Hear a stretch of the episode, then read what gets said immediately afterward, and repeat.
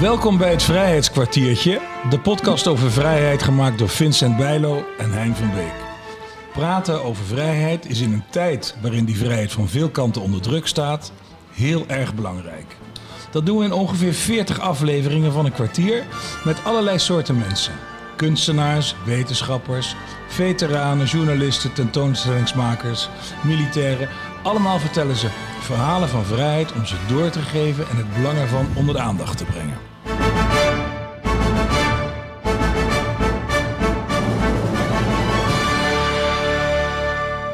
We praten met Pascal Bobbe, coördinator educatie Nederlands Veteraneninstituut. Na 17 jaar bij Defensie gewerkt te hebben, was het voor veteraan Pascal Bobbe tijd voor een nieuwe stap.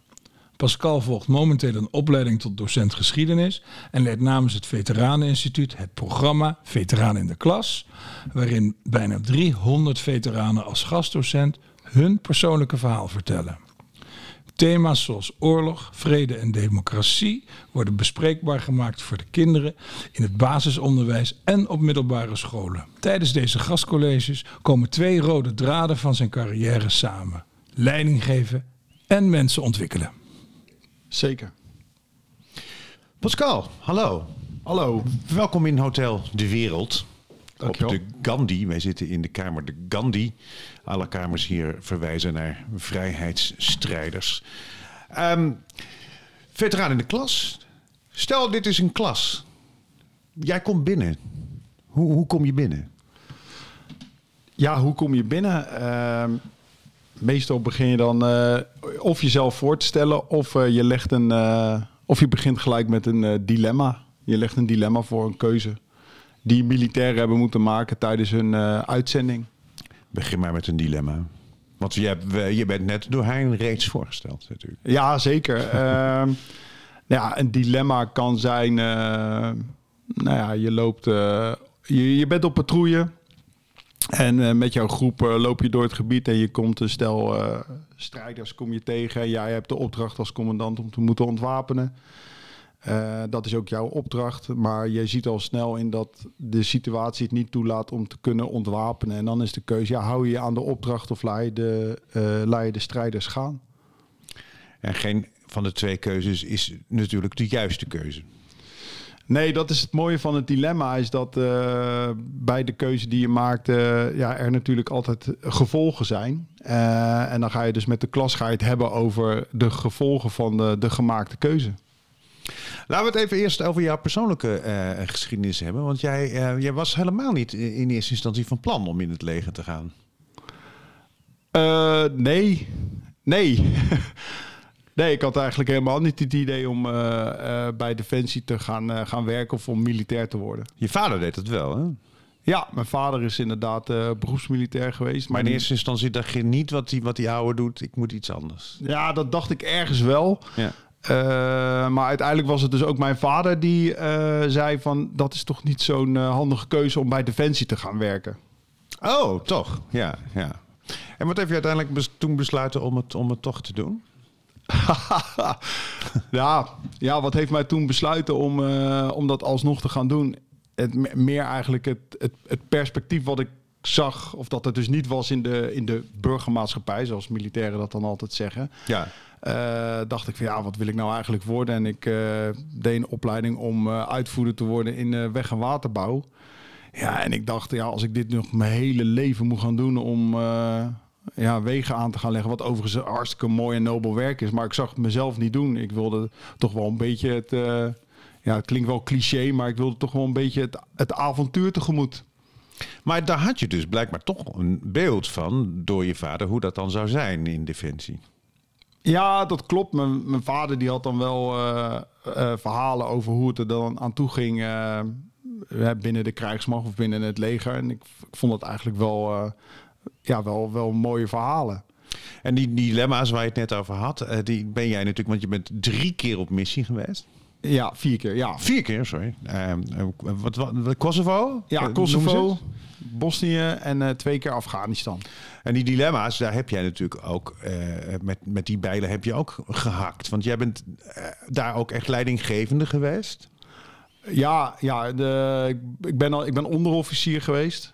Dus ja, dan eh, eh, ja, tot op een bepaald niveau geef je dan ook, eh, ook, ook leiding, maar ook advies. Maar noem eens, noem eens jou, echt jouw grootste dilemma wat je ooit tijdens een missie hebt meegemaakt. Ja, ik heb er wel meerdere. Maar wat, we, wat me wel het meeste ook is bijgebleven is tijdens mijn eerste uitzending. Is dat wij in, uh, in Kosovo moesten we de, de Servische minderheid in het dorp beschermen tegen de, tegen de Albanese. Dus wij zaten dan op strategische punten in de wijk. om ervoor te zorgen dat de Albanese niet naar de Serven gingen en andersom. Ja. En ja, op een echt een hele koude winternacht. Echt min 30 stond er een, een man naast, mijn, naast mijn voertuig. En die, uh, ja, die, had, die had hulp nodig. En ja, toen moesten we eigenlijk een beslissing maken om... Ja, gaan we dan met die man mee en gaan we dan kijken wat er aan de hand is? Of, of blijven we gewoon bij het voertuig? Dus dat was eigenlijk al de eerste keuze.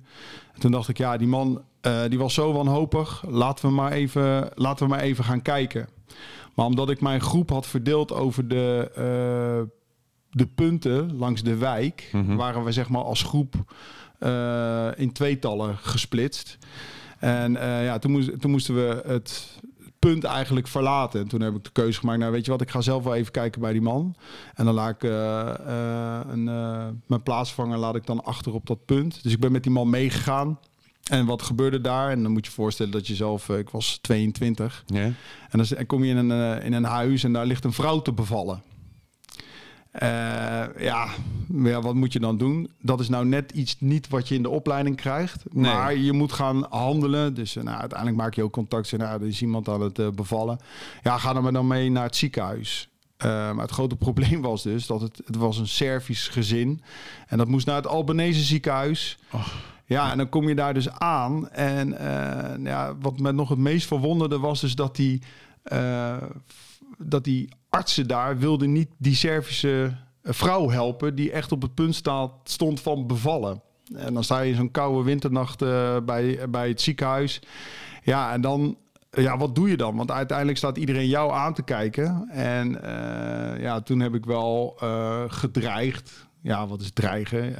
Je, je hebt je wapen heb je dan bij je. En toen heb ik ook mijn wapen, wat normaal achter op je rug hangt, uh, voor mijn borst gehouden. En toen heb ik wel gedreigd van, nou ja, weet je, als jullie dan niet helpen, dan, ja, dan ben ik, wel, ben ik wel echt wel bereid om hier geweld te gebruiken om ervoor te zorgen dat die vrouw op een normale manier kan bevallen. Ja. Uh, dus zijn we uh, ja, dat ziekenhuisje ingegaan. Ik ben ook bij die bevalling aanwezig geweest. Ja, dat, dat is dan best wel apart. Want ja, dat is niet de manier dat je denkt, nou, ik, ik ben eens een keer, dat moet een hele mooie. Uh, dat, ja, dat is een hele, heel mooi iets. Uh, alleen ja, dat, dat, dat, dat was niet mooi, omdat de een wilde niet dat de ander zou bevallen. En die moesten toch gaan helpen. Nee, want dat zou nog, nog een Serviër betekenen. Dat nou kind. ja, dat. En ja. Dan, dan zie je dus wat uh, haat en polarisatie dus eigenlijk uh, ja. teweeg brengt. Jij bent, en, dan, en toen moest dat kind ook gelijk ingepakt worden en weer mee terug uh, de Servische wijk in. Want die Albanese ontdooiden niet door de geboorte van dat kind op de een of andere manier. Nee, helemaal niet. Nee. Uh, en dat is natuurlijk mijn, uh, ja, mijn werkelijkheid of wat ik heb gezien. Is dat het, ja, ze hebben wel geholpen, maar echt, het, ik had echt het idee omdat wij erbij waren. Had jij het idee dat het, dat het zo diep zou zitten? Kon je je dat van tevoren voorstellen? Nee, je kan je dat niet voorstellen. En dit verhaal is wat ik ook uh, vrij vaak gebruik als je eens in de klas staat, hè, om het ook eens naar het hier en nu te halen. Ja. Kijk, uh, stel je voor, je gaat naar het ziekenhuis en je wordt op basis van geloof, afkomst, uh, word je dus geweigerd. Want dat is wat er eigenlijk is gebeurd. Ja. En, en dan stel je die vraag ook eens in zo'n klas en dan denk je, ja, kan je het dan voorstellen dat je dus daardoor niet de medische hulp krijgt op basis daarvan? En wat vinden we daar dan van? Hoe reageerden kinderen? Ja, het is meestal dan wel ook het ongeloof van, nou, dit kan toch niet? Uh, en dan kan je wel heel goed laten zien dat er in uh, bepaalde plekken op de wereld dat aan de orde van de dag is. Soms geloven ze je niet. Nee, het, maar ik denk ook dat het moeilijk voor te stellen is, omdat op, toen ik daar ook stond en dat het dus echt Ja, voor mijn zeker. ogen gebeurde, Ja. dat ik dus dacht van, nou, dit, Ja. dit, ik had ook dat ongeloof. Dat, dat kan je elkaar toch niet aandoen. Ja, en dan zie je toch dat dat gebeurt. 17 jaar carrière, je bent ook instructeur geweest. Ja, En, eh, wat, maar wat heeft jou dan uiteindelijk toen besluiten om die overstap te maken? Ja, dat is eigenlijk. Ik, ik was eh, onderofficier na 2009, mijn laatste uitzending Afghanistan. eh, zat er ook een hele grote bezuinigingsronde aan te komen. En, en ik ben onderofficier bij de artillerie geweest. Ehm, ja, op een gegeven moment waren die doorgroeimogelijkheden ook niet heel erg groot. Dus op een gegeven moment heb je zoiets van ja, ehm, wat kan ik nog bij eh, Defensie? Wat kan ik nog bij de krijgsmacht? Ja, en als je ziet dat er dan veel wordt bezuinigd en het wordt allemaal onzeker, dan denk je van, nou, dan moet ik toch eh, naar iets anders op zoek. En dan lag dat voor de hand? je- want je, ben je toen meteen geschiedenis gaan studeren ook? Nee, nou, ik heb altijd wel een hele voorliefde voor geschiedenis gehad. Dus ik dacht, nou ja, dan eh, om je kansen binnen de, de burgermaatschappij, zegt al, zeg, ja, te vergroten, ja, dan, eh, eh, dan zou je toch moeten gaan studeren. Ja. Ja, dan iets wat je leuk vindt. En dan is geschiedenis. En nou ja, als onderofficier geef je veel instructie. Dat is niet hetzelfde als eh, lesgeven op een voortgezet onderwijs. Maar je voelt wel dat je er wel wat affiniteit mee hebt. Ja, dus ben ik geschiedenis gaan studeren. En kwam de veteraan in de klas kwam meteen op je pad daarna, of niet? Nou, nee. Ehm, uiteindelijk eh, zag ik op LinkedIn zag ik een eh, vacature voorbij komen van het Veteraneninstituut. Toen nog Veteraneninstituut. En toen dacht ik, nou, dat is mooi. Dat is, eh die zoeken een coördinator educatief programma. Ik dacht, nou, dat is heel mooi. Die ervaringen delen binnen het onderwijs. Ik denk, nou, dat zijn wel twee werelden waar ik me wel fijn bij voel. Dus ik dacht, nou, ga ik maar solliciteren. En als coördinator eh, regel jij veteranen, zou ik maar zeggen. Ja, ik eh ronsel veteranen. Met je wapen in de aanslag. Nee, helemaal dat niet. heb je het niet is meer. vrijwillig, hè? Het is vrijwillig. Nee. nee, een andere overtuigingskracht. Ah, ja, precies. Ehm, nee, maar ja, de, de- daar ehm, ja, zorgen er dus voor dat veteranen die dus een unieke ervaring hebben opgedaan in het uitzendgebied, om die dus te delen met de samenleving. Ja. En dat zijn er 300. Is het, is het eh, eh, makkelijk om ze, om ze te, te, te ronselen, zou ik maar zeggen? Eh, nou, dat gaat eigenlijk wel vrij makkelijk, ja. Ja. Ja, toch. Je ziet wel dat er een eh, behoefte is. En dat maken we ook altijd wel duidelijk aan, zeker aan veteranen. Kijk, je hebt iets unieks meegemaakt. Eh, en hoe mooi is het om dus ook nog wat met die ervaringen die je dus hebt opgedaan, om daar ook, ehm, ja, om, om in ieder geval die te delen. En dat eh, mensen met dat verhaal daar ook nog iets mee kunnen. Dus het vergroten van een stukje bewustwording. Zie jij zelf ook veel eh, ehm, veteranen in je, in je dagelijks leven? Hebben jullie veel contact? Ja, we hebben, ja, we hebben best veel contact eh, onderling.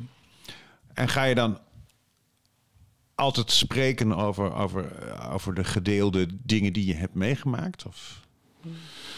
Ja, niet al, nou, dat is niet altijd zo hoor. Eh, kijk, ik ben juist ook een voorstander dat. eh, kijk, als je elkaar als veteranen ook opzoekt, dan gaat het ook altijd wel over dezelfde eh, dingen die je hebt meegemaakt. Hè? Omdat je natuurlijk, eh, ja, je, je er voelt die verbondenheid omdat je ja, dezelfde dingen hebt meegemaakt. Maar ik, ik vind het je ook juist belangrijk dat je eh, ook een andere groep mensen in die gesprekken betrekt. Ja, uiteraard.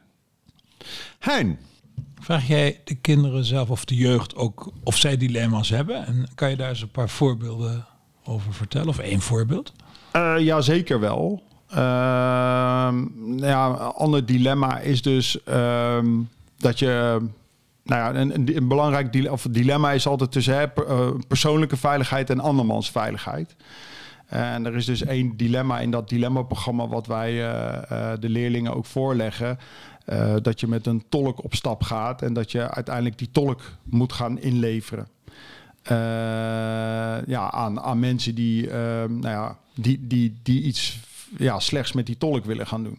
Nou, en dan leg je dat dilemma voor. Eh, zou je dat doen? Eh, en dan is het van, nou, dan gaat het natuurlijk over jouw eigen veiligheid. Hè? In hoeverre ben je dus je, ei- bereid om je eigen veiligheid op te offeren voor die van een ander? Ja. Nou, en dan kan je het ook hebben over, ja, hoort, die, hoort zo'n tolk ook bij je team? Hè? Is, maakt die deel uit van het team? En daar kan je ook weer eh, bespreekbaar maken van, nou, hoe werkt dat nou bij Defensie? Voor wie ben jij verantwoordelijk? En hoe neem je die verantwoordelijkheid? En kan je die verantwoordelijkheid ook nemen als je zelf wordt bedreigd? Dat is naar eh, aanleiding van de, de, de machtsovername van de Taliban natuurlijk weer een hele eh, actuele vraag geworden ook. Ja, nou ja, inderdaad. Ja, en dat is dan echt op het, zeg maar het politieke niveau. En in hoeverre neemt de politiek dan het Ja. besluit om inderdaad dan ook voor die tolken te zorgen. Maar ja, aan de andere kant eh, zie je dus ook op het tactisch-operationele niveau dat ook dat soort dingen eh, Ja. ja, gelden eigenlijk. Ja. En die dan nog intenser zijn, omdat het ook op een heel erg persoonlijk niveau is. Ja, zeker.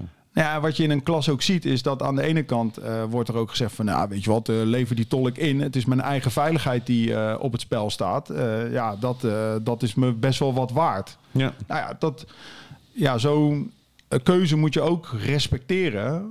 Maar nog belangrijker is, wat zijn dan de gevolgen als je dus inderdaad kiest voor je eigen veiligheid?